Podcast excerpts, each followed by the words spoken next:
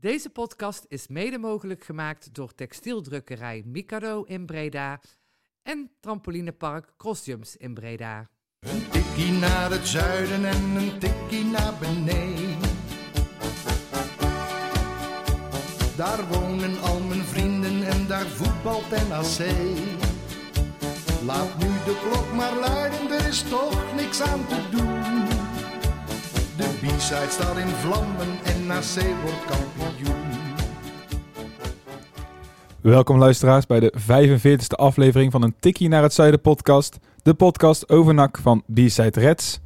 Ik zit vanavond eh, samen met eh Levien en Sven. Goedenavond. Goedenavond. Goedenavond heren. En eh, wij gaan het eh, vandaag allemaal hebben over eh, uiteraard NAC Eindhoven van afgelopen zaterdag. Waarin NAC eh, de drie punten wi- wist te pakken met een 2-4 overwinning. We gaan het hebben over het nieuws dat naar buiten werd gebracht. Dat de nieuwe technisch directeur pas na de jaarwisseling eh, zou, gaat komen. Eh, we hebben een weer een proefspeler bij NAC die uh, meetreedt. Dat is eh, Michael Maria. En tot slot eh maak ik ook weer een rondje bij de ex-nakkers eh, langs. Maar om te beginnen gaan we naar het heden toe. En het heden is eh, dat we drie punten bij konden schrijven. Eh Eindhoven NAC werd eh, 2-4. En ehm, de eerste vraag die ik opgeschreven had voor jullie eh, was de verdiende overwinning. Ja, uiteindelijk wel, denk ik. Eh, uiteindelijk wel. E- ergens, ergens wel. Net iets meer lef getoond dan Eindhoven, denk ik. Meer, meer lef, wat bedoel je daarmee? Ja, gewoon meer die druk naar voren gezocht. Want Eindhoven kwam er gewoon niet echt uit, uiteindelijk. Als je kijkt naar de gevaarlijke kansen en hoe eh NAC eh, het spel heeft opgepakt, denk ik dat je terecht als winnaar van het veld afloopt. Maar ook niet gek als je daar met een gelijkspel weggaat, omdat het ook gewoon allemaal niet meer heel best is. Bedoel je dan ook een beetje het feit met dat, weet, ik weet dat ik een tweet begin plaatste, toen weer het 2-1. En toen had ik ook echt nog het gevoel van, NAC gaat niet meer in de problemen komen. Had ik eigenlijk, ja, zeg maar, is blijkbaar weer dat ik kijk op het spelletje Ja. heb, maar... Ik zat het er een beetje anders in, want ik dacht, eh, na rust, als je snel die 1-3 maakt, dan is er niks aan de hand. Dan wordt het gewoon inderdaad 1-5, 1-6. Eh, maar eh, je weet ook dat als het, eh, ja, als, dat Eindhoven heus wel weer een kans gaat krijgen. Dus je- dat je wel snel die goal moet maken. En dat lukte niet. Eindhoven kwam natuurlijk weer vrij vlot op eh, 2-2. En ja, dan weet je dat het een moeilijke wedstrijd wordt. Dan kom je goed weg uiteindelijk. En dan vind ik ook dat ze echt heel slap starten naar de, naar de rust. Ja, en ook begonnen we in de eerste helft. Maar dan komen we daar nog op terug. Laten we bij het begin beginnen. Eh, want er waren nog wel verwijzingen in de opstelling. Nogal wat. Eh, de clubtopscorer stond er niet meer in. Ja, ja terecht denk ik. Ik vind eh Bilaat een hele goede spits voor NAC, voor dit systeem. Ik snap wel dat je, dat je Bilaat kiest voor Van Hooydonk. Ja, vooral dat je, eh, of, of Bilate echt per se eh, een geweldige wedstrijd gespeeld heeft, daar kun je denk ik over, over hebben. Ja. Eh, maar ik snap wel dat je op dit moment niet voor Van Hooydonk kiest. Dus niet zozeer dat je voor Bilate kiest, maar dat je tegen Van Hooydonk kiest. Want als je gaat kijken, dat zei Stijn na afloop van de wedstrijd natuurlijk zelf ook, dan is het gewoon zo dat je de afgelopen wedstrijden eigenlijk helemaal niks gehad hebt aan, aan Van Hooydonk. Hij wordt niet in stelling gebracht en dat is denk ik de schuld van het team, niet zozeer van Van Hooydonk zelf. Eh, maar hij wordt op dit moment eh, niet op zijn kwaliteiten benut. En dan heb je eh, gewoon niet zo heel veel aan hem. Als je hem niet in stelling brengt, blijft er niet zo heel veel over. Om letterlijk inderdaad zijn woorden te pakken van... City van is heel erg goed in de 16. Maar ja, er moet wel in de 16 komen, willen hem goed kunnen gebruiken. En dan kwam de afgelopen week gewoon te weinig in de 16. Ja, en ik denk dan dat je, je kunt dat, wat ik zeg, je kunt het van Hooydonk niet echt verwijten. Want hij is afhankelijk als spits van zijn teamgenoten. Ik eh, denk dat je de conclusie dan moet trekken dat, dat zijn trainer eh, niet, ook gewoon echt niet voor hem kiest. Want blijkbaar niet eh, zijn elftal zo op hem in wil richten dat hij volledig op zijn kwaliteiten benut wordt. Als je ook dat artikel leest van de week, dat hij zijn systeem uitlegt die hij graag wil spelen, dan zie je aan alles dat heel zijn systeem is gebouwd op een speler als Bilaat en niet op Van Hooydonk. Ja, en dat is gewoon zonde. Want ik denk echt... ja, maar dat, dan heb ik ook zoiets van, ga dan alsjeblieft niet meer Van Hooydonk spelen, want jij bent de trainer, jij moet ons naar het promotie gaan leiden en dan moet je in één keer gaan spelen zoals dat je niet wil gaan spelen. Ja, liever niet. Eens. Maar het is wel zonde, want eh, je ziet natuurlijk eh, de statistieken van Van Hooydonk staan ondanks het feit dat hij de afgelopen wedstrijden eh, niet gescoord heeft. Hij heeft dan een penalty meegepakt, waardoor eh, eh, die nog gescoord heeft. Eh, maar hij, hij scoort natuurlijk niet, maar desondanks zijn zijn statistieken met 12 wedstrijden, 8 goals gewoon nog steeds echt prima. En je weet gewoon dat hij er 15 tot 20 gaat maken als je hem in stelling brengt. Ja, maar dat, maar dat vind ik dus lastig om daar nog steeds de eh, vinger op de zere plek te leggen. Waarom lukte het de eerste zes wedstrijden wel om hem vaak in stelling te brengen? En nu sta je met haast nog steeds dezelfde eh pionnetjes en lukt het niet.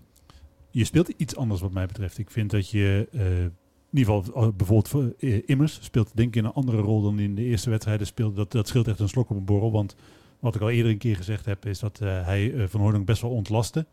Eh, van Hooydonk moest nu veel meer in zijn eentje doen met een eh, immers in een meer controlerende rol. En ik denk dat je ook de pech hebt dat, dat een jongen als eh, eh, De Roy die wellicht verlichting had kunnen brengen. dat Ja, maar dat was, die was er de eerste zes Nee, wedstrijden ook niet. Die was er de eerste zes wedstrijden niet, maar daar had Van Hooydonk wel van kunnen profiteren. En toen had Immers nog die andere rol. Ja, maar Wat is, heeft, op de heeft hij een echt andere rol gekregen Voor na die zes voor mijn wedstrijden? gevoel wel. Hij heeft in de eerste wedstrijd die hij speelde, speelde hij veel dichter tegen Van Hooydonk aan dan de eh, wedstrijden daarna. Want het, het is een discussie die, eh wat ik zeg, om dan even het overstapje na Emmers te maken. Want ik denk dat we ondertussen erover eens zijn dat Pilate eh, dat een terechte keuze was. Even om misschien dat eh, onderwerpje even af te bakenen. Terechte keuze. En ik denk dat het in de wedstrijd ook al redelijk naar voren kwam. Ja, maar dan is het denk ik wel goed om eerst even wat, wat verder op Bilate in te zoomen. Want we hebben wat statistieken van eh eh, Bilate. Nou ja, pak ze maar. Je hebt ze opgeschreven, denk ik, of niet? Ik, eh, ik heb ze hier op papier staan. Eh, Want hij, eh, als je gaat kijken puur naar zijn statistieken, naar het aantal duels wat hij uitgevochten heeft, dat waren er. ja, het aantal. Ik heb hier de kopduels ook vooral die opviel inderdaad. Eh, Hij had vijf kopduels die hij aan eh, kon gaan. En eh, daarvan heeft hij er onder andere vier verloren. En ook inderdaad in de, de duels over de grond eh, was hij de mindere eh, van, de alle, mindere kant. Alle duels die hij uitgevochten heeft, heeft hij er maar eentje gewonnen. En dat is heel verrassend, want dat was ook Ja. niet, was niet de indruk die ik kreeg toen ik de wedstrijd keek. Hij was in mijn ogen belangrijk voor het team, maar op zich, op zijn statistieken, speelde hij niet zo'n hele denderende wedstrijd. Nee, maar als je bij spreken wel die eh 1-1 kijkt. En dan ging het over het punt van ja, we komen te weinig in de 16. Ja, door een vooractie van eh Bilate, die de bal wat langer vasthoudt. Echt op het allerlaatste moment eh Immers aanspeelt. Klopt. En Immers inderdaad die in de 16 staat, keurig de verdediger uitkapt en Venema in stelling brengt. Dat is wel precies het idee. Nou, ik denk van ja, Stijn, jij weet wel heel goed waar je over praat op dit moment. Eens, dat werkt heel goed. Maar wat je wel ziet is met Bilate dat je, en dat, dat weet Stijn dan denk ik ook, eh, je hebt een spits die in principe geen doelpunten gaat maken in deze rol. Nee, ja, ik zeg, dan moet je kiezen inderdaad voor dat andere gasten. Dan moet je echt eromheen andere gasten hebben die, hebben die een goal gaan maken en zullen moeten gaan maken. En dat is wat mij betreft denk ik nog de tekortkoming van dit systeem. Want eh, misschien dat het met eh, De Roy straks als hij fit is een eh, ander verhaal wordt. Met, eh, hij wilde eigenlijk natuurlijk met Buffon starten. Eh, dat eh, werd uh, noodgedwongen Venema. Uiteindelijk gelukkige keuze geweest denk ik. Eh, omdat hij zijn goaltje meepakt. Eh, maar eh, dat zijn dan misschien de jongens die, die eh eh Bilate in stelling moeten gaan brengen. Maar Ja, zonder die jongens is het, blijft het aanvallend heel armoedig. Je hebt, je hebt eh, de Roy met een actie en eh scorend vermogen. En Buffon volgens mij ook met een actie en scorend vermogen. Ja, dat- en dat en een- heel het systeem is gebouwd op eh Bilate inspelen, en Buffon en een de Roy dan Buffon scorend vermogen? Heb Ja. je heb je die Ja. goal van hem gezien? Ja, maar heb je ook die ene kans gezien die hij gemist ja, heeft? klopt, maar hij heeft ook kans gemist. Twee maar, kansen, één doelpunt. Dat is niet heel verkeerd. hè? Maar hij heeft nog wel meer wedstrijden gespeeld, hè? Klopt, Ja, maar niet heel veel echt kansen. maar geef zo'n jongen eerst even tijd om eh ook Ja, wedstrijden nee, daarom. Nee, maar geef hem even tijd. Geef hem dus ook even de tijd tot we kunnen gaan oordelen of hij scorend vermogen heeft. Nee, maar normaal gesproken zouden dat de jongens moeten zijn die de doelpunten dan blijkbaar moeten gaan maken. Want ik zou niet weten wie ze anders zou moeten maken En in de huidige opstelling. Iedereen is zo te spreken over die Buffons op de training, zeg maar. dus ja, Dat blijft terugkomen. Ja, daar hoorde ik die brood gisteren ook over. dus ze trainen zo hard. ja, ze hebben getennist, denk ik. Ja, nee. Maar immers zei je. Ja, inderdaad, want eh, ja, Immers ha- we hadden de discussie vorige week in ieder geval over van, eh, moet Immers geslachtofferd worden zodat Azagari eh, kan gaan spelen. Dus ik, ik ja, ben een beetje op gaan letten natuurlijk op Immers. eh. en ik, ik heb het ook gevraagd aan Stijn inderdaad, want het is wel een onderwerp dat leeft. Dus laten we eerst even luisteren naar wat Stijn erover te zeggen heeft.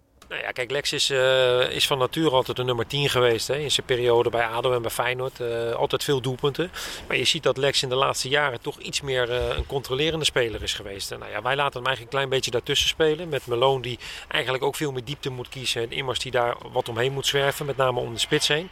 Ehm, ja, daarin, daarin vind ik nog steeds dat hij van waarde is voor de ploeg. Eh, kijk, eh, qua rendement, qua doelpunt en assist kan en moet het eigenlijk hoger voor een nummer 10. Maar op het moment dat hij zorgt dat de rest wel goed aan het spelen komt, dan, eh, ja, dan heeft hij gewoon een prima invulling. Indirect zegt hij hier eigenlijk dat NAC speelt zonder nummer 10. Ja. En Ja. als je, maar dat, dat, dat vind ik dan wel een beetje krom. En eh, in het feit dat je met Bilate inderdaad geen scorende spits hebt. En daaromheen moeten we dus inderdaad spelers hebben die veel scoren. Nou, hij geeft het naartoe van het rendement van Immers moet echt omhoog inderdaad. Omdat je eigenlijk inderdaad om Bilate heen, en dat is dan vaak al snel een nummer 10, moet iemand moeten hebben die veel goals gaat maken. Maar eh Stijn is dan ook niet consequent. Hij zegt eh, eh, als nummer 10 moet immers meer doelpunten maken. Ben ik het helemaal mee eens. Meer assist geven, ben ik het ook wel mee eens. Maar vervolgens zegt hij wel, ja, maar ik laat hem niet als een 10 spelen. Hij speelt eigenlijk een beetje als een controleur. Dan denk ik, ja, dan kun je dus ook niet meer doelpunten van hem verwachten. Want zeker is wel dat, dat eh, in deze rol immers ook nooit van zijn leven doelpunten gaat maken. Dat, dat Nee. zie ik echt niet gebeuren. En de vraag is een beetje of hij in die controlerende rol helemaal tot zijn recht komt. Want zag je bijvoorbeeld zijn eh, paasnauwkeurigheid in deze wedstrijd. Die was echt verschrikkelijk. Eh, slechtste van allemaal. 69 procent, volgens mij was het. Hè? Ja. 69 procent. De paasnauwkeurigheid inderdaad. hij heeft ook wel weinig de bal gekregen. Dat eh, heeft heel, de, een van de minste spe- spelers die het minst de bal heeft aangeraakt. En dan inderdaad maar 69 procent. Dat is eh, matig. Maar ja, wat ik zeg, ik, kan ook weer inderdaad een moment voor de geest halen. En ik weet even niet precies welke minuut. En dan staat hij ineens op de achterlijn eh, bij Olij staat hij ineens nog een bal weg te halen. Inderdaad. En ja, hij, hij is op zich wel van toegevoegde waarde. Inderdaad, inderdaad met zijn dat hij echt van box-to-box eh, rent. Inderdaad. Want dat is het eigenlijk, gewoon een box-to-box speler op dit moment. Maar ja, je twijfelt in de aan van, is het de, missen we daar niet een andere speler erbij? En dat is voor mij de oplossing. Eh, als je gaat kijken naar het middenveld, dan is het middenveld niet in balans. Maar er zitten eh, best wel veel. eh, je hebt eh, twee echte controleurs en dan een spelverdeler in de vorm van eh eh, Haaien, Malone en eh Immers die als controleur spelen. Dus geen nummer 10. Dan zou ik zeggen, eh, haal eh, Malone een eh, linie terug en laat eh, Immers echt in die rol van eh, controleur spelen. En zet er een creatieve speler bij. Want laat dat nou net een wissel zijn geweest afgelopen Ja, zaterdag. Maar dat werkte als een tiet. NAC ging vanaf dat moment goed voetballen. Vooral het overwicht. dat- Toen we echt daarna soms echt weer met de verdedigende linie stonden ze echt op de middenlijn. Inderdaad, en dan echt met z'n allen op de helft van eh, Eindhoven. En eh, werd de druk wat hoger inderdaad. Ja, en kregen ze inderdaad wat meer kansen. Maar je zag meteen dat er vanuit eh, achteruit met Malone een heel stuk meer voetbal is dan met het duo wat daar eerder stond. En op het middenveld kan Malone natuurlijk prima inschuiven.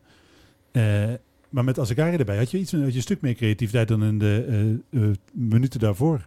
Eh, Ja, en, en, en dat is wat Stijn dus ook in dat interview aangaf. Dat hij eh, gewoon niet tevreden is over zijn twee centrale verdedigers in de type spelen dat ze zijn. Want inderdaad, niet- even om, de wissel toe te lichten, inderdaad. eh Riera ging eruit. Ja. Malone ging een linie naar achter. Die ging naast eh Conor Rustler staan. Eh Azagari kwam erin. Immers zakte eigenlijk een stukje terug. En eh ja, Azagari was de nummer 10. En dan denk ik, dan doe je immers een plezier, omdat hij eh, niet eh, dat hele veld hoeft te bestrijken. Hij kan iets meer eh, terugspelen naar zijn, iets meer ingezakt spelen. Dus hij is normaal gesproken, heeft hij over een hele wedstrijd genomen langer inhoud. En je, je levert er voetballend niet echt iets op in. Want immers voegt aanvallend met Malone op middenveld ook niks toe. Zullen we wel even luisteren naar eh, wat Stijn had over? Eén één klein Ja, dingetje tuurlijk. over, want ehm, dat is ook een beetje het probleem van dit NAC. Hè? Want die, dat vindt Stijn dus ook. Die centrale verdedigers die dribbelen niet in, kunnen geen paas geven. Die willen zo, zo snel mogelijk met een korte paas de bal kwijt. Met Malone kan dat wel. En eh, als dus Rustler en Riera centraal achterin staan, dan moeten Immers en Haaien de bal komen ophalen om een aanval op te zetten. En die mis je. Die wil je eigenlijk inspelen verder dieper op het veld. En doordat Immers dan, eh, om dan helemaal de tactische analyse af te maken, omdat Immers dan vaak mee verdedigt, heb je echt een gat tussen het middenveld en de aanval. Nou, dat proberen ze dan op te lossen met Bilater. Maar ja, ondertussen zakt elke keer wel weer een stukje eh, naar achteren, waardoor je voorin een mannetje eigenlijk tekort komt. Ik ben En- echt benieuwd inderdaad met jouw eh, oplossing voor Malone achterin. Ik denk dat je daar eh, een goede oplossing hebt. Maar je geeft nu ook direct meteen de uitleg waarom eh, Van Hooydonk dus echt niet gerendeerd heeft in dit systeem. Nee, Dus- precies. Eh kort als Stijn, ga ik er nog even in.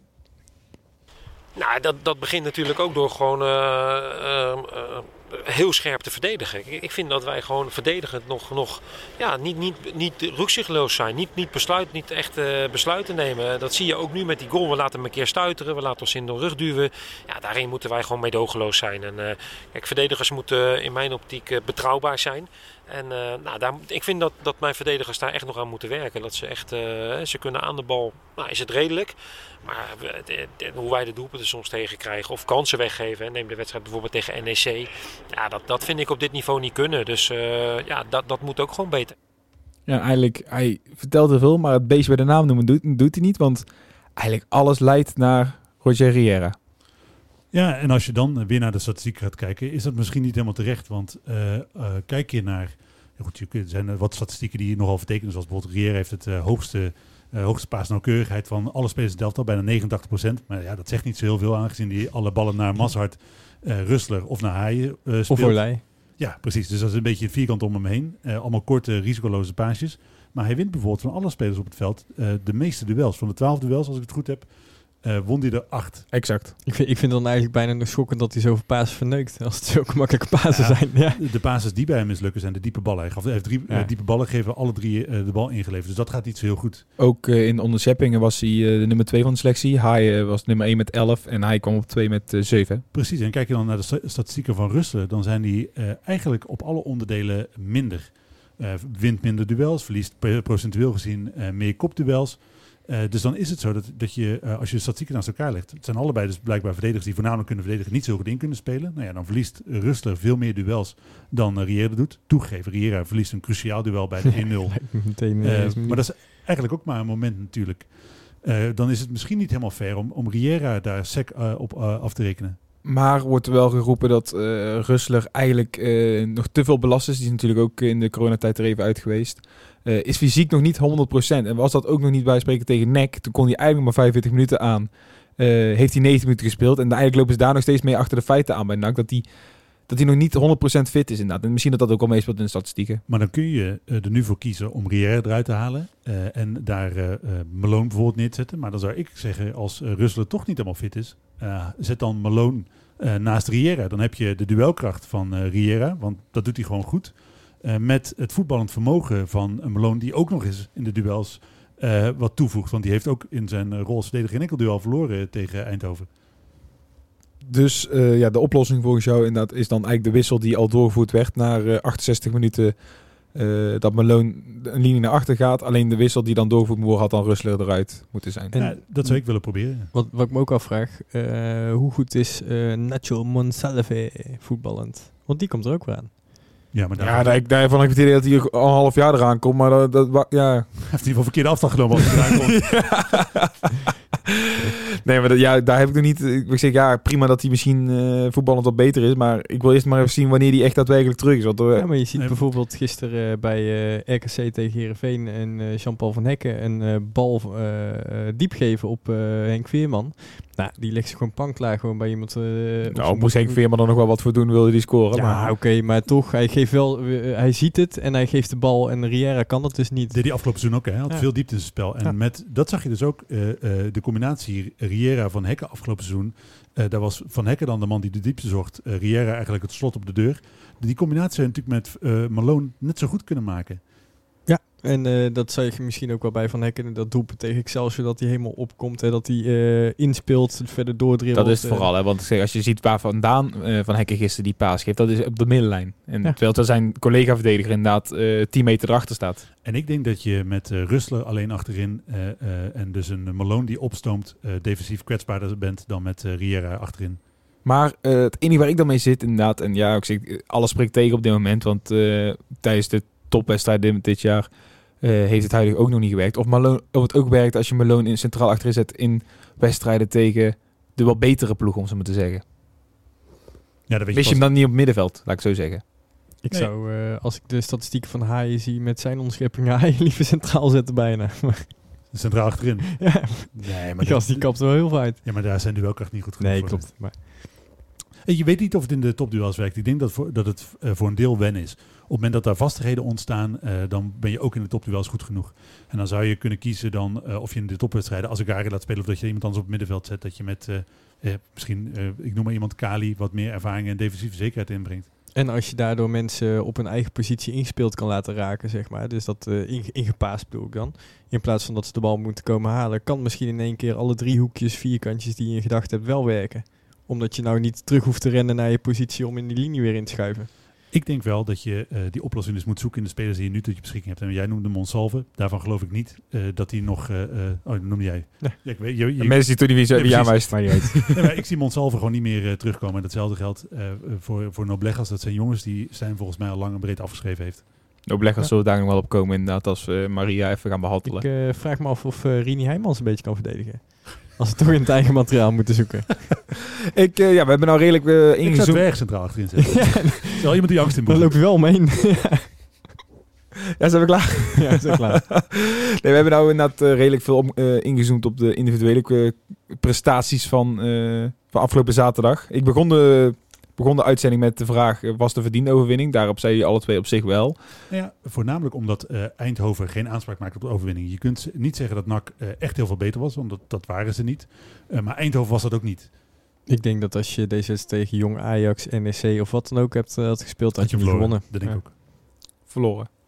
Denk Maar ik heb de vraag die ik nou wilde stellen namelijk, eh, na afloop hoorde ik heel veel en die vraag stelde ik zelf ook inderdaad.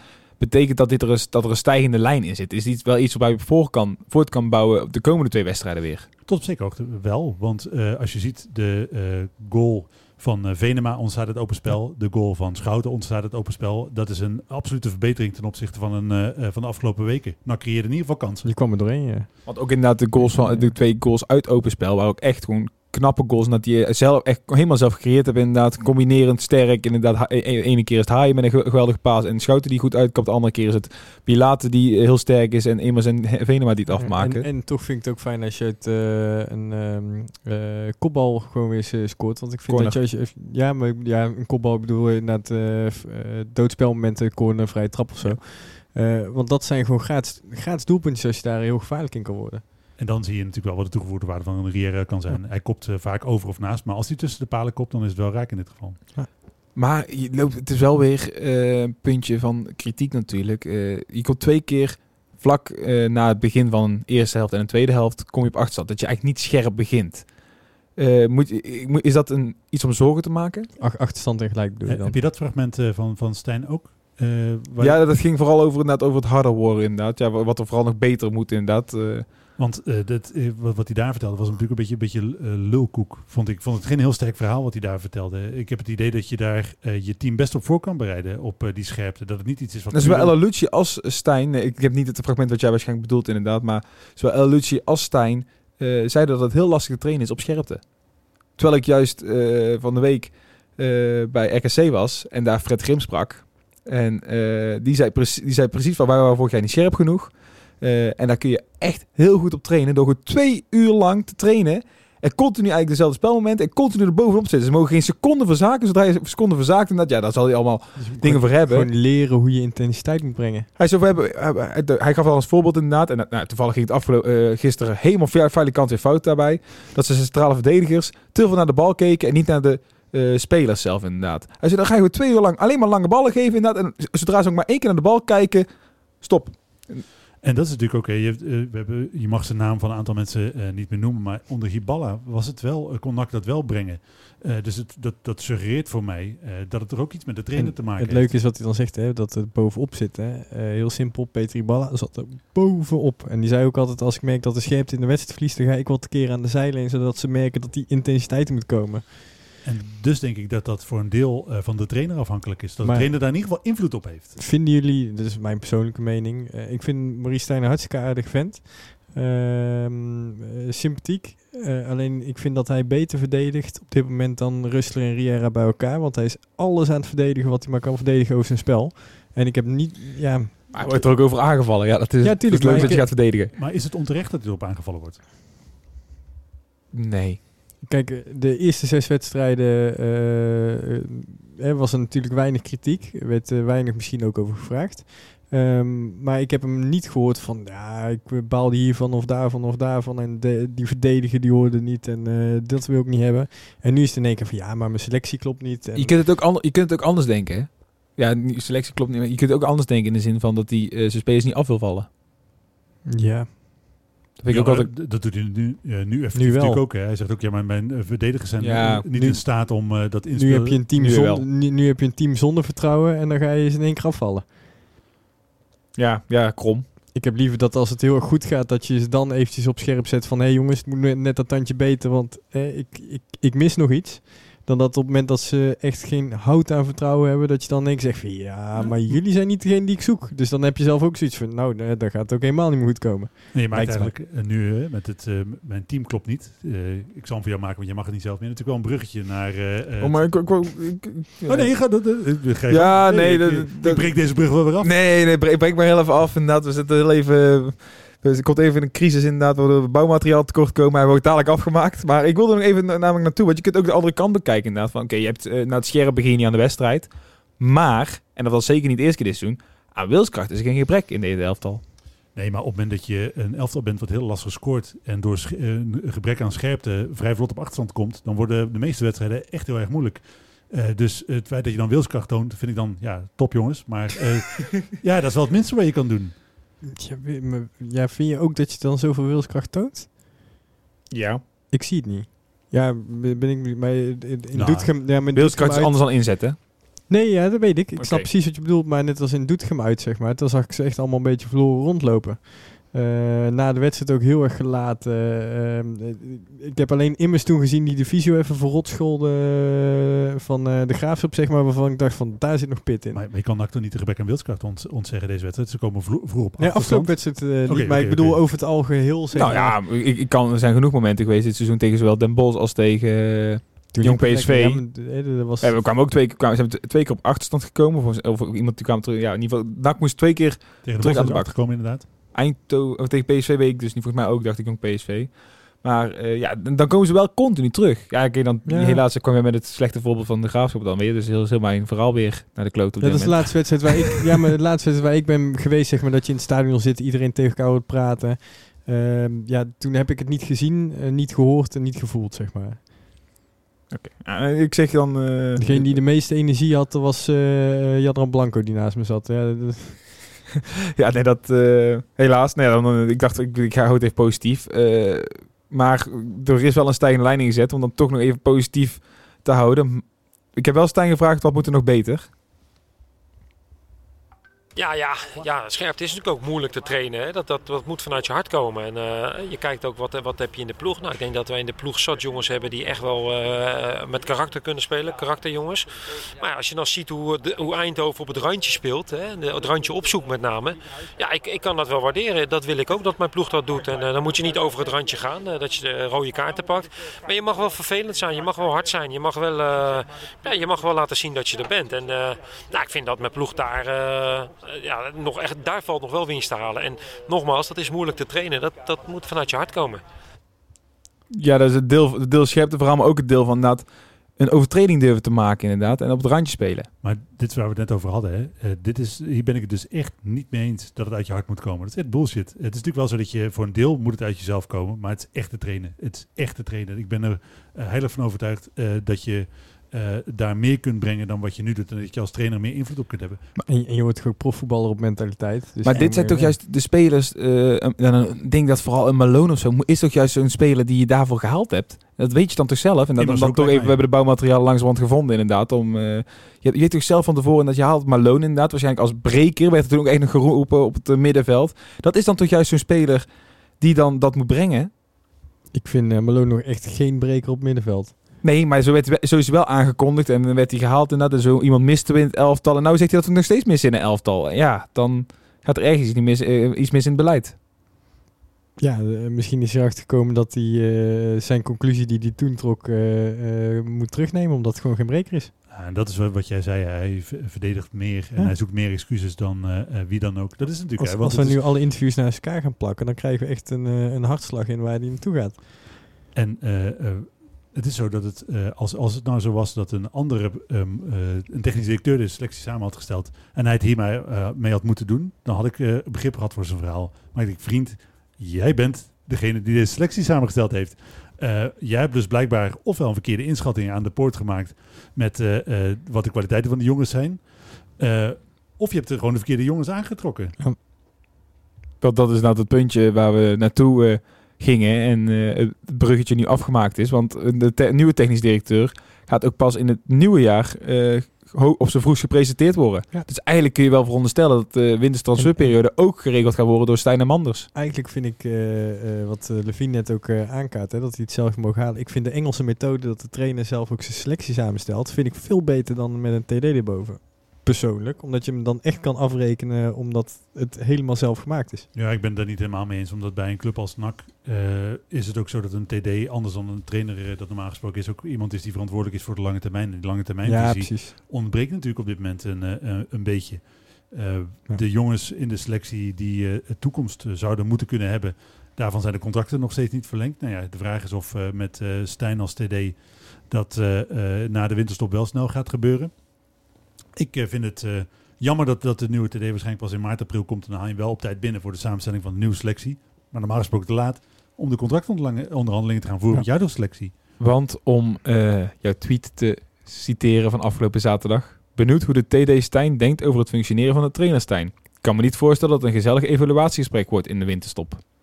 Nee, want ik denk dat de TD Stijn echt zal zeggen tegen de trainer Stijn... ja vriend, ik heb alle spelers aangetrokken die jij wilde hebben. Maar op de trainer Stijn zegt... ja, maar dat zijn toch niet de goede spelers. De TD-Stijn zegt... Uh, ja, maar jij wilde ja, deze maar, toch? Ja, precies. Maar Wat een, wat, een, wat een wisselend verhaal. Waar ben je zelf aan het verdedigen, zegt hij dan. Nee, maar dat Ja, is, ja. Hij, hij als trainer eh, eh, of als TD onder, heeft hij ondergepresteerd. Eén van die twee. Eh, of misschien allebei wel. Want eh, ja, maar dat is toch zo. Als, hij, eh, als, als zijn selectie hij, niet goed hij, genoeg- hij vindt inderdaad nu dat hij zijn selectie niet goed genoeg vindt. Maar nou hoor ik jou even wel praten alsof je doet alsof het seizoen alweer verloren is. Nee, dat is niet zo. Maar Want ik, ik, ik, ik, ik reageerde ook op deze tweet afgelopen zaterdag. Ik, was, ik dacht even dat jij wilde suggereren dat Stijn eigenlijk alweer eh, op de schopstoel zat. Nee, helemaal niet. Ik ben helemaal niet voor het ontslaan van mensen. Nee, oké, want dat, Want daarvan heeft de geschiedenis wel uitgewezen dat eh, dat echt niet de oplossing is. Maar Denk jij niet, eh, heb jij de vertrouwen... eh, Heel simpel, als ik naar een Volendam kijk en de Graafschap kijk, eh, Almere kijk. Als ik die zie voetballen, denk ik van, nee, nee. Tweede plek kunnen we dit jaar op ons bord schrijven. Hopen dat we in de na-competitie eh, ADO tegenkomen. ik, denk, ja, ik denk ook dat de tweede plek een lastig verhaal wordt. Omdat eh NAC niet beter is dan de concurrent. Nee, echt totaal niet. denk ik ook niet. Maar eh ja, Volendam komt thuis tegen Os ook niet verder dan 1-1. Nee, en, eh, ook, eh, de- Mist ze vier man vlak voor de aftrap. nee, maar ook alle andere clubs gaan nog punten laten liggen. Dus dat, je, je Ja. kan er, het is natuurlijk het is nog vroeg. NAC heeft echt al een hele slechte periode achter en zit misschien nog wel Ja. middenin of zo. Die gaan, ook, die gaan er ook wel weer bovenop komen. Ja, ja, ja, maar eh, een Volendam bijvoorbeeld, hè, die je nou als voorbeeld stelt, die had echt gewoon in één keer personele problemen niet vlak voor de wedstrijd. Maar, ehm, en toen Maar- hadden, verdienden ze eigenlijk ook nog de overwinning, moet ik Maar eerlijk om zeggen. terug te komen op je vraag, dat seizoen is inderdaad nog niet verloren. En ik, Nee. eh, eh, maar feit is wel dat, wat ik zeg, de, de trainer eh, of de TD Stijn heeft ondergepresteerd. Want hij heeft of de verkeerde spelers gehaald, of hij haalt er niet het maximale uit. En heel simpel, als je kijkt naar onze selectie, hè, je hebt een, eh een schouten, gewoon altijd een zesje wel. Ehm Olij, fantastische keeper. Haaien, eh, beste speler van de KKD, denk ik. Ehm, en De Roy. Je hebt op zoveel eh, belangrijke plekken heb je goede spelers staan. Dus eh, als je in de winterstop eh, de juiste poppetjes aantrekt, omdat in één keer dat het wel als een puzzel in elkaar valt. Dan denk ik dat je wel met de gra graafschap Almere, dat, eh, dat, Ja. dan kan je het wel redden. Maar dan Maar moet je wel laten de portemonnee trekken. Dat wou ik wel even zeggen, laten we even wel weten. We hebben tot op heden al de duurste selectie van de keukenkampioen-divisie. Om die selectie nog duurder te maken, lijkt me echt, echt onverantwoord. En dat is natuurlijk wel de reflectie die je gaat zien. Hè? Want eh, je maar vroeg- maar ik, ik zeg, je hebt al wel eh, meegekregen bij spreken om eh, dat bijvoorbeeld de Riera eh, zijn contract niet verlengd gaat worden. Eh, bijvoorbeeld een Nederlandse centrale, een centraal ervaren verdediger voor gehaald gaat worden. Ja, tenminste, dat willen ze in de winterstop al. Of dat in de winterstop al ging lukken, is een twijfel. Maar, maar ja, dat gaat altijd geld kosten. Maar dat is het. NAC wil eh, kosten wat eh, kost promoveren. En eh, daar, moet, daar wordt heel veel geld aan uitgegeven. En dat, ja goed, ik, ik snap dat wel. Ik, ik snap die reflex ook wel. Want de, je, hebt- dus in de winterstop de keuze. Dus ofwel je trainer buiten flikkeren als het niet goed genoeg gaat. Of betere spelers halen. Dat zijn normaal gesproken de twee, twee mogelijkheden die je hebt om er iets van te maken. Nou ja, die trainer ga je nooit van zijn leven ontslaan. Eh, dat dat is ook, eh, zou ook echt heel onlogisch zijn om dat op dit moment te doen. Dus moet je iets aan die selectie doen. Alleen eh, jongens zoals eh, Kali, eh Noblegas, eh Monsalve, die niet of nauwelijks gespeeld hebben eh, in de eerste seizoen zelf, ja, die zijn natuurlijk nog steeds heel moeilijk te slijten. Er is nog steeds geen enkele club in die jongens geïnteresseerd, wat dus betekent dat je selectie nog duurder gaat worden. En als je dan niet promoveert, is het eh, eh, echt een heel onverantwoorde manier van met je geld en je toekomst omspringen. Ja, nee, de, daar hebben we het al vaker over gehad en jij hebt dat ook vaker aangekaart. Eh, dat er heel veel geld is uitgegeven, dat er een beetje mommersvibe eh rond eh, dit jaar hangt qua aankopen. En bij Mommers heeft het gewoon een paar keer goed uitgepakt, hè, want we hebben toen gewoon goede resultaten gehad in de competitie. Ehm, ja, als dit verkeerd uitpakt en je promoveert niet, dan ben je gewoon echt de Sjaak, denk ik. En wellicht zit daar ook het feit dat er op dit, tot op heden nog geen eh, contract verlengd is. Je weet natuurlijk niet precies wat de status van die onderhandeling is. Maar het feit dat je daar helemaal niks over hoort, eh, eh, zegt natuurlijk ook wel iets. Het, eh, eh, je weet dat op het moment dat je eh, nu niet promoveert, eh, dat je met al die aflopende contracten in je selectie ergens wel een ontsnappingsroute hebt. Want je kunt met de tien contracten of iets dergelijks die eh, aflopen, financieel natuurlijk wel een hele hoop besparen. Ja, maar ho, dan ehm Maar als je eens. Olijn niet verlengt, eh, die loopt Ja. dan kapitaal de deur uit. Nee, maar als je dan moet Ja, maar ik zeg, maar je moet, ik zeg, kijk, dat je, net dat je dan van Kali af bent. En ik weet niet, ik, ik moet even, het is mij ontgaan over hoe lang ook Blackgas en Monsalvo dan even om die twee weer erbij te halen. Of die ook in, la- in het laatste jaar zitten of niet, dat weet ik even niet. Ja. Oké, wel dus. Nou, nou, met daarmee drie inderdaad heerlijk dat die gaan. Maar ik heb, ik, je moet toch niet willen dat je straks weer eh, elf nieuwe spelers op het veld hebt staan. Weer een heel nieuw team moet gaan creëren.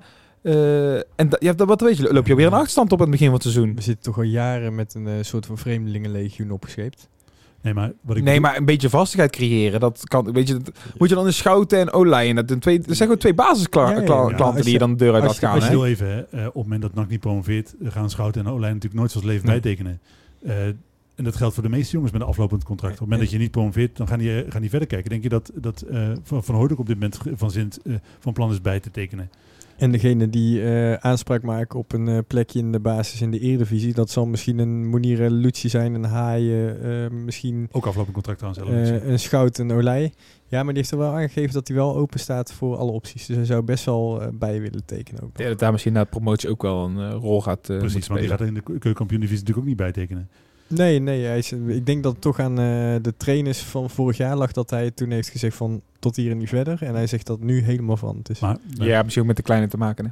mijn, nee, ja, dat lag, lag, lag niet aan. mijn punt was dus, eh, al- omdat je nu dus financiële risico's eh, eh, neemt en eh, je zou- het zou onverhoopt mislopen, dan heb je dus met al die aflopende contracten wel een mogelijkheid om snel kosten te, in de kosten te snijden, mocht het misgaan. Eh, en dat is natuurlijk wel een ontsnappingsroute op dit moment. En met Lex eh, Schoenmaker junior heb je een fantastische scout. Dus dan kan je eh, heel- heel goedkoop je selectie heel goed... Ja, eh, ik, ik ben er geen fan van. Ik snap, ik snap dat inderdaad de club de autokosten inderdaad, eh, maar als dat het je ontsnappingsclausule is, dan dan hoop ik toch echt nog tien keer meer, meer dat wij promoveren. Want ik, ik ben nooit zo fan van dat we weer een heel nieuw elftal moeten gaan bouwen aan het begin van het seizoen. je ziet aan alles dat er een do or die is gedaan dit jaar. En, Ja. tot nu toe is het tweede. Ja, klopt. klopt. En eh, als je niet promoveert, en dat eh, was vorig jaar al niet. maar wat voor selectie heb je dan volgend jaar staan? Dan, dan ben je word je echt gewoon, dan, dan ga je echt nek en rode als, je, achteraan. als jij dit jaar inderdaad niet promoveert, dan, dan zitten wij hier nog vier, vijf jaar eh, KKD te kijken. Maar dat is ook het punt waarom ik vind dat er een, een TD aangesteld moet worden. Want op het moment dat je eh, dus met je eh, aankopen eh, geen promotie kunt realiseren, dan moet het dus uit je jeugd komen. Dan moet je dus, eh, en dan is bijvoorbeeld van Volendam, wat je al noemde, eh, natuurlijk het voorbeeld van een club eh, die, dat, eh, die daar de vruchten plukt van het investeren in de jeugdopleiding. Waarom zou je dat als NAC niet kunnen? Waarom zou je met een jeugdopleiding die aan alle kanten overloopt van talent, want er zijn in jaren niet zoveel jongens voor vertegenwoordigende elftallen geselecteerd als eh, eh, bij NAC de, de afgelopen twee, drie jaar. Zit met Helmond iemand die de club van de haven tot groot kent, die ook nog eens in staat is om jongens op te leiden. Dan moet je daar dus een technisch directeur in hebben die daar de middellange termijn bewaar- bewaart. Die eh, verder kijkt dan waar Stijn en Manders op dit moment naar kijken. En dat is echt sec de korte termijn. Dat klopt, ben je eens. Overigens, eh, om dan op namen in te gaan, natuurlijk de D die na eh, wat later wordt aangesteld. Ik denk dat de, grote, de naam die dan weer eh, dik gedrukt naar voren komt, toch wel eh, meneer Lokhoff is. Ja, maar dat, dat roep ik echt al jaren. Ja, ja we, we hebben het inderdaad in een En eerdere podcast toen al, ook eh, gezegd dat hij daar vanaf eh volgend seizoen voor open staat. Precies, hij wilde bij eh, Wolfsburg het eh, afmaken inderdaad om daarna... eh, nou ja, dat kan De- goed zijn dat ze met Wolfsburg een afspraak het- kunnen het- maken van eh, in maart mag ik misschien al weg of zo. Nee, dat dan, nee, het zou me niets verbazen, want je weet dat je TD dus niet aan de slag gaat deze transferperiode. Hè, dat gaan ze gewoon nog zelf doen, Mhm. want anders komt hij niet na de jaarwisseling. Ehm, dan zou het best wel kunnen zijn dat ze dus gaan presenteren dat Ton Lokhoff na eh, dit seizoen TD gaat worden bij NAC. ja, het, Dat eh, dat de aankondiging gaat worden. Ik ben alleen wel benieuwd. eh, nou, laten we ervan uitgaan dat Lokhoff één kandidaat is. Eh, er zouden drie of eh, vier kandidaten zijn waarmee ze, eh, ser- waar ze serieuze belangstelling voor hebben. Dan ben ik wel benieuwd wie die andere namen zijn. Want je kunt je. ze hadden allemaal, we zitten allemaal in een club, hè? ja, dan zou je toch normaal We gesproken. zitten allemaal bij een club. ja. Van As, waarvan natuurlijk een honderd keer gezegd dat het niet komt, maar dat geloof ik pas als hij niet komt. Ja. Eh, en Valks zou dan een andere optie zijn. Valks. Eh, Mo Allag misschien? Die zit volgens mij ook bij een club nu. RKC. Zit bij XC, ja. Maar dan zou oh, trouwens, die heeft, eh, hoe heet het, eh, Stokkers gescout, laat maar. Eh, nee, maar dan, dan zouden dat een beetje de namen zijn dan van die, van die namen. eh, want een ander, iemand zag in de, in de reactie zag ik ergens Maaskant voorbij komen, maar volgens mij heeft hij helemaal geen club op dit moment. Nee. Dus die zou prima morgen Nee. kunnen beginnen. Nou, dan, dat- die worden dus waarschijnlijk niet. Eh, maar dan van die Hetzelfde opties- geldt voor Van Leeuwen. Ted van Leeuwen, heeft hij nog geen club? Nee.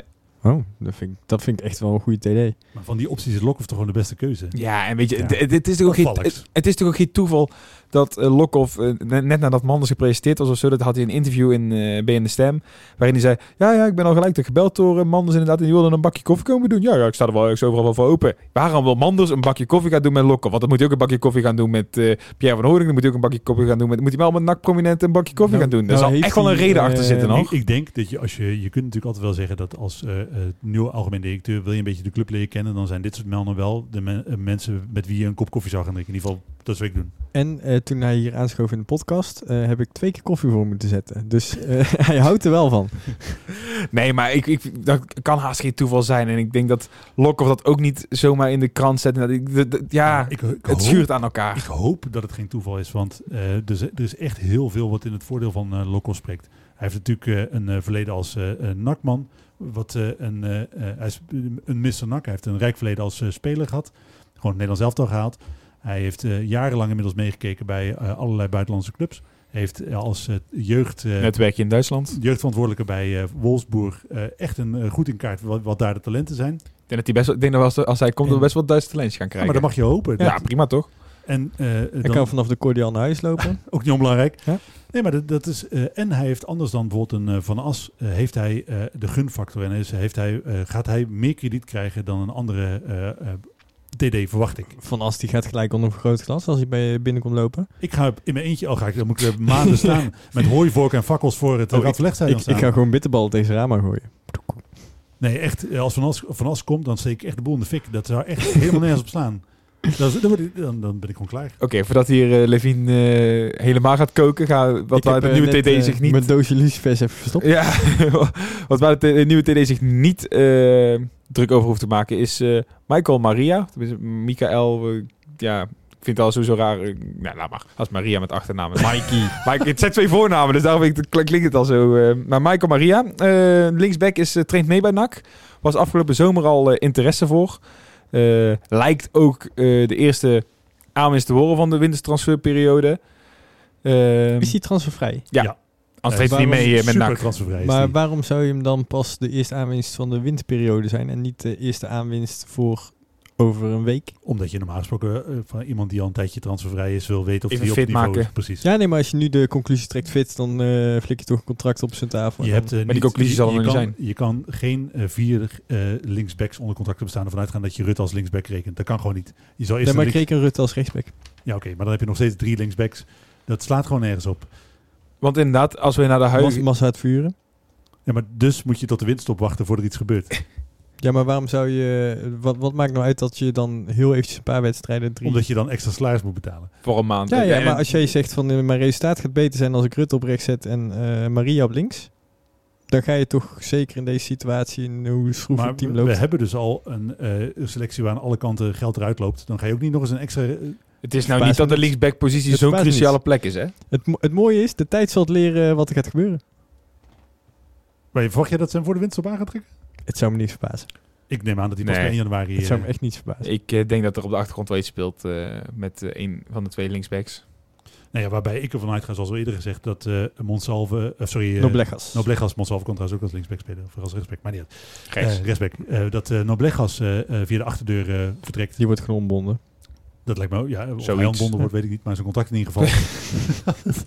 Ik eh, zag zo'n eh, zo'n emmertje met zoutzuur langskomen. Ja. Nee, Want maar- inderdaad, de huidige situatie eh, op linksachter is natuurlijk dat nou uh, Maschart eigenlijk eerste keuze is. Eh, alhoewel dat ook komt omdat Rutte afwezig was en afgelopen zaterdag voor het eerst bij de selectie zat.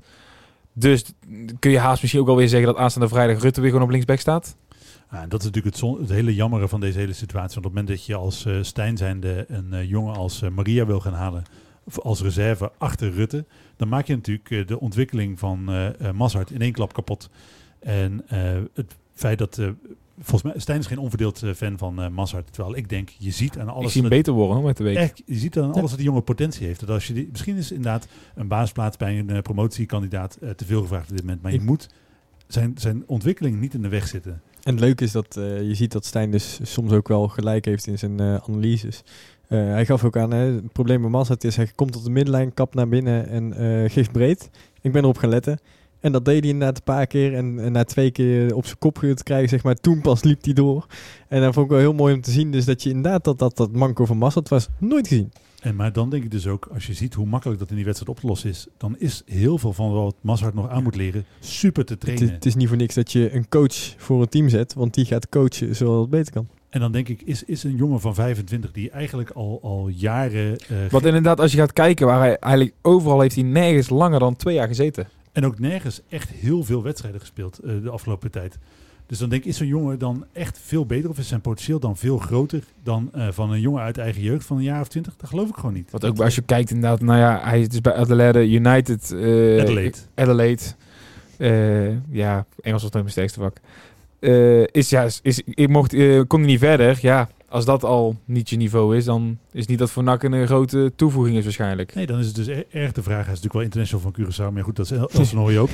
Eh, en Was Vinnie Vermeer ook niet ergens international van? Of, Nee, maar dus dan, dan is echt de vraag of zo'n jongen eh, die nu 25 is, eh, in de komende jaren dusdanig veel beter gaat worden dat zijn top uiteindelijk hoger ligt dan van Massard. Dan zie ik echt veel liever dat je investeert in een jongen als Massard. En daar vind ik, mis je dus een technisch directeur. Ja, en eh, dan is het inderdaad het korte termijn eh, spelletje. Ja. eh, dat je dus eh Mazart, die nu nog net niet genoeg is, zeg maar, dat je die meteen vervangt voor iemand die dat net wel eventjes heeft. eh, in plaats van dat je dat gaat intrainen. Precies. Ja. En dan zit je dus straks met een selectie waar eigenlijk helemaal geen restwaarde in zit. Of waar eh, eh, die eh, misschien eh, onder in de eredivisie mee kan. Maar dat is het dan ook maximaal. Er zit voor mijn gevoel niet echt heel veel groei in. Duidelijk. Ehm, zullen we weer naar de ex-nakkers gaan? Ik zeg, we gaan Ex-nakkers. eh, richting eh, het einde van de podcast. En dan is dat leuk om nog even... We hebben vanaf eh, deze week... eh, gaan we wekelijks een week-update plaatsen... met eh, de opvallendste prestaties van de ex-nakkers. Ik weet niet of ik daar brood in zie hoor. Ja. Ah. ik mag het niet meer doen, maar eh, als jij hem zo graag wil maken, dan... eh, want inderdaad, eh, wat eh, mensen die op de site zullen kijken, die zullen het eh, eerste weekoverzicht zien met daaronderin een eh, rol voor eh, Ruud Brood, die zijn debuut maakte bij eh, grootst- ADO. Grootste nederlaag van een debuterend coach ooit. ADO-trainer toch? Was het? Voor, eh, zou Debuterend van- ADO-trainer, dacht ik. Maar Ik, ik ken niet alle uitslagen uit de uit mijn hoofd. Ik Niet? eh, ga ervan uit... dat je eh, zoveel wist. ik, ik, ik denk dat hij een goede kans maakt dat dat ook gewoon ooit is. Het zou me niks verbazen in Nee, ieder het zou geval. me ook niet verbazen. Want meestal heb je namelijk zo'n shock-effect dat er dan één keer een goed resultaat komt en daarna ga je nog steeds eh Ja, maar degraderen. het is voor hem natuurlijk gewoon zonde. Hè? Want hij heeft natuurlijk eh, ervaring met eh NAC. Hij is met eh XC ook gedegradeerd als ik het goed heb. Misschien met eh, Roda ook, weet ik niet. Eh, volgens mij stond er ergens de handhaven dat dat een van zijn hoogtepunten was. Dus ehm, Maar dat, eh, hij weet natuurlijk precies waar dit op uit gaat draaien. Want dit, dit elftal eh, schreeuwt in alle opzichten eh, hetzelfde als wat het NAC-elftal de degradeerde schreeuwde. Dat gaat gewoon nooit goed komen. Als dit elftal niet degradeert, dan Als jij, gaat er eh, nooit meer een elftal als jij degraderen. niet... Nee, dat, dat is gewoon zo. als jij niet heel je elftal vervangt deze winterstop, dan heb je geen schijn van kans. En als je je hele elftal vangt deze winterstop, dan werkt dat ook niet. Want nee, dat dat heeft ook ingespeeld raken. Ja, dus dit elftal gaat 100% zeker degraderen. Dat, ik geloof echt niet dat hij dit om kan buigen. Echt niet.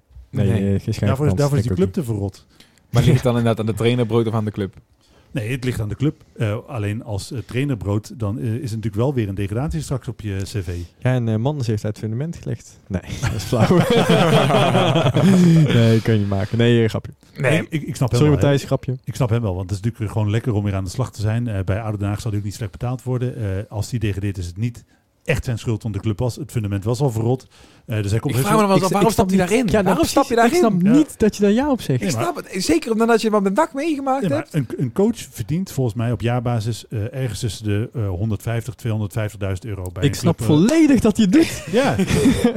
en dan denk ik op het moment dat hij bij NAC ontslagen wordt, eh, krijg, je, krijg je een afkoopsom mee. Op het moment dat je bij Oude Den Haag ontslagen wordt, krijg je weer een afkoopsom mee. Dan ga je zeg maar Ja. zo van, van zak geld naar zak geld. En dan maakt het niet uit of je je, je termijn volmaakt. Volgens mij kreeg uh, Philip, afkoopsom. Philip eh, Cocu kreeg nu 1,4 Die miljoen kreeg veel mee. Of Die 4,1. kreeg echt heel veel mee. En die had eh, vijf wedstrijden voor het team gestaan of zo.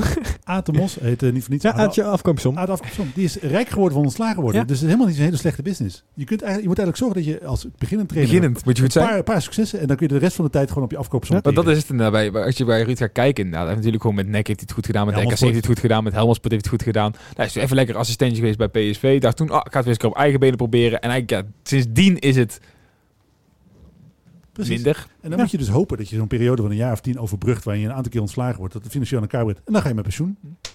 Dat is echt heel makkelijk, voetbaltrainer. Ik eh, ben bezig met de trainingscursus A. zeggen, ik heb een eh, de afslag gemist inderdaad. Het kan wel, hè, als eh, niet-voetballer eh, coach worden van betaald voetbal. Zeker. Ja. Bij jou betwijfel ik dat. Ja, en bij mij ook. Ik betwijfel dat ook. Een ander puntje dat... eh, ik, ik, ik zou dan namelijk dan per ongeluk Willem 2 gaan, tekenen, gaan trainen en dan keihard willen verliezen van NAC. Zet ik gewoon mijn spits in de goal. Klein jong. Ander stukje van de ex-NAC eh, die, daar, eh, die naar voren kwam in een stukje was eh, Arnold klopt Milicic. Ja, dat is, eh, ik werd daar heel gelukkig van toen ik dat eh, eh, las. Het gaat eh, over Graham Arnold. Graham. Arnold. ja, ja. eh, die natuurlijk eh, eh, coach is bij het eh Australische Nationale Elftal. Het breidt zich met eh, de onder 23 voor op de Olympische Spelen die een jaar uitgesteld zijn. Eh, zijn de tegenstander Ante Milicic was dus tot voor kort eh, trainer van eh, de Matilda's. de, het, Vrouwelijke. het vrouwenteam van eh, Australië, maar zijn contract liep af. Dus hij mist de Olympische Spelen en is nu ingestapt bij een eh, club die volgens mij pas sinds 2017 bestaat. Eh, nu voor het eerst op het hoogste niveau eh, uitkomt. Eh, en dat is leuk. Dan zijn het de twee ex-nakkers, die twee ex-nak-aanvallers ook, eh, die tegen, tegenover elkaar staan eh, in eh, Australië. Allebei twee hele grote namen uit Australisch voetbal inmiddels. Ik baal echt dat ik die wedstrijd niet heb gezien. 2-1. Ik was volgens mij, volgens mij kwam eh, de club van uh, Milicic vroeg op eh, voorsprong. Verloor uiteindelijk eh, twee eh, goals vlak voor tijd eh, van eh, de jongens van eh, Arnold. Had gewoon eh, heel even pieken, hè? dan ben je er ook. Dit is eh, eh, de samenvatting van Sven's eh, relaties.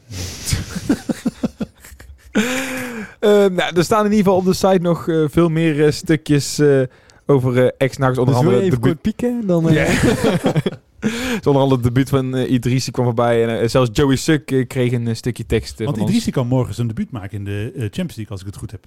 Vet. Ja, als hij daarvoor ingeschreven staat wel, volgens mij wel. Al- Volgens Hij mij was ingeschreven, ja, ja. En dat is natuurlijk wel cool, hè? Dan, eh, eh, eh, want hij heeft natuurlijk maar heel even in de jeugd van NAC gespeeld. Twee jaartjes. Hij is niet echt, hij komt uit Berg op Nee, ja, hij is hij is overal maar twee jaar geweest, hè? NAC-speler, maar... eh, moment dat- ja, Hij maakt echt een reuze sprong om de twee jaar. precies. En op het moment dat hij nog een aantal van dit soort eh, moves maakt, dan wordt NAC er natuurlijk ook niet slechter van. Nee, weet je wat, wat, wat hij zegt? Als je zo blijft doorspringen, dan wordt de beste voetballer ter Jij zegt inderdaad, elke twee jaar, want het is elk jaar, eerste jaar bij de club, dan, is het, dan speelt hij aardig inderdaad, dan komt, komt hij lang, wordt hij echt vaste basisklad en dan het jaar erop inderdaad, nou, dan maakt hij echt indruk. die hij maakte vorig jaar in de beker tegen NAC. Ja, Klopt. klopt, ja. Dat, eh, ja, dat, ik ben benieuwd of, net of hij een vaste baasspeler kan gaan worden bij Sevilla. Eh heren, ja, dan gaan wij langzamerhand eh, richting het eh, einde van deze podcast. En eh, ja, daar komt nog eigenlijk al een beetje aan met dit deuntje. Ik hoopte eigenlijk omdat het tegen FC Os was, eh, dat je dan Jos van Os had ingeladen. Het met is een eh topos tegenwoordig weer. topos, Jos van Os. Ja, dat is nog beter. Ben ik toch blij dat ik hier achter de knoppen zit. Maar, eh, Zaag de GHDL. Mooi man. Ehm, kan je, je mag ook even spellen. ik wil hem ook wel inzingen. ja. Nee, Topos uit eh, lastige pot. We hebben het altijd lastig uit bij ons, hè? Elke, dat is dit jaar wel, elke topploeg heeft het lastig tegen Os dit jaar. Cambuur heeft de punten tegen verloren. Volendam heeft punten... Ah, Volendam heeft er eh, gelijk, tegen gelijk gespeeld. Cambuur had trouwens ook tegen gelijk gespeeld. En de Graafschap won er pas in de laatste 10 minuten van. Dus eh, we zijn gewaarschuwd. ja, en voor mij is Top Os natuurlijk altijd nog steeds die na-competitie-serie van... Oh. Ah, is verschrikkelijk. Dus ik, eh, mijn beleving heeft NAC het altijd moeilijk tegen Os. Wij zijn er voor, en toen vorig jaar met Anno Filipovic. Diba Ja, en die de dus verlenging. gemist heb. Ja, dat is een mooi, ja, mooi verhaal is dat. Nee, dus eh, eh, ik denk niet dat het een, eh, grote overwinning wordt. Maar eh, dit zijn wel de wedstrijden die je moet winnen. Wil je een reële kans maken op eh, promotie. Dus ik eh, zeg, eh, laten we ervan uitgaan dat, de dat de stijgende lijn ingezet is gewoon 0-2. Ik denk dat we echt, echt, echt een hele moeizame pot krijgen. We komen ook eh, onze Belgische vriend weer tegen. Hoe heet die? eh, Olivier Rommens. Olivier Rommens. Eh, lastige avond, Os. Eh, ik ga trouwens. Ik zou trouwens eh Rommens tegenover Bilaat zetten. Hij is gewend om Ja. tegen grote- Dan wint hij elk kopduel. Als hij dan een kopduel verliest, dan mag Bilater vertrekken. Nee, eh lastig potje 0-4.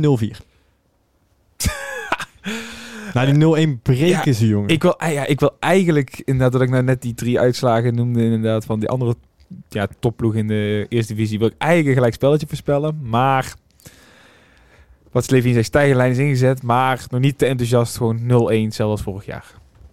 Gewoon eh, zoals Hiballa het vorig jaar zei in onze mooie quiz. In onze topquiz van onze topploeg, van onze top NAC. Toen speelden ze ook een eh aardige wedstrijd volgens mij tegen Top Os. Klopt. Top Os speelde toen aardig, bedoelde? Ja. Die, het was ook gelijk inderdaad, toen 2-2. Of 1-1. 1-1. 1-1, 1-1. excuus. 1-1. Af, Ja. hè. 0-4 dus. We gaan het zien. Schrijf maar op. Eh, heren, ik eh, dank jullie voor jullie komst. En eh, de luisteraars, tot de volgende keer. Een tikkie naar het zuiden en een tikkie naar beneden. Daar wonen al mijn vrienden en daar voetbalt NAC.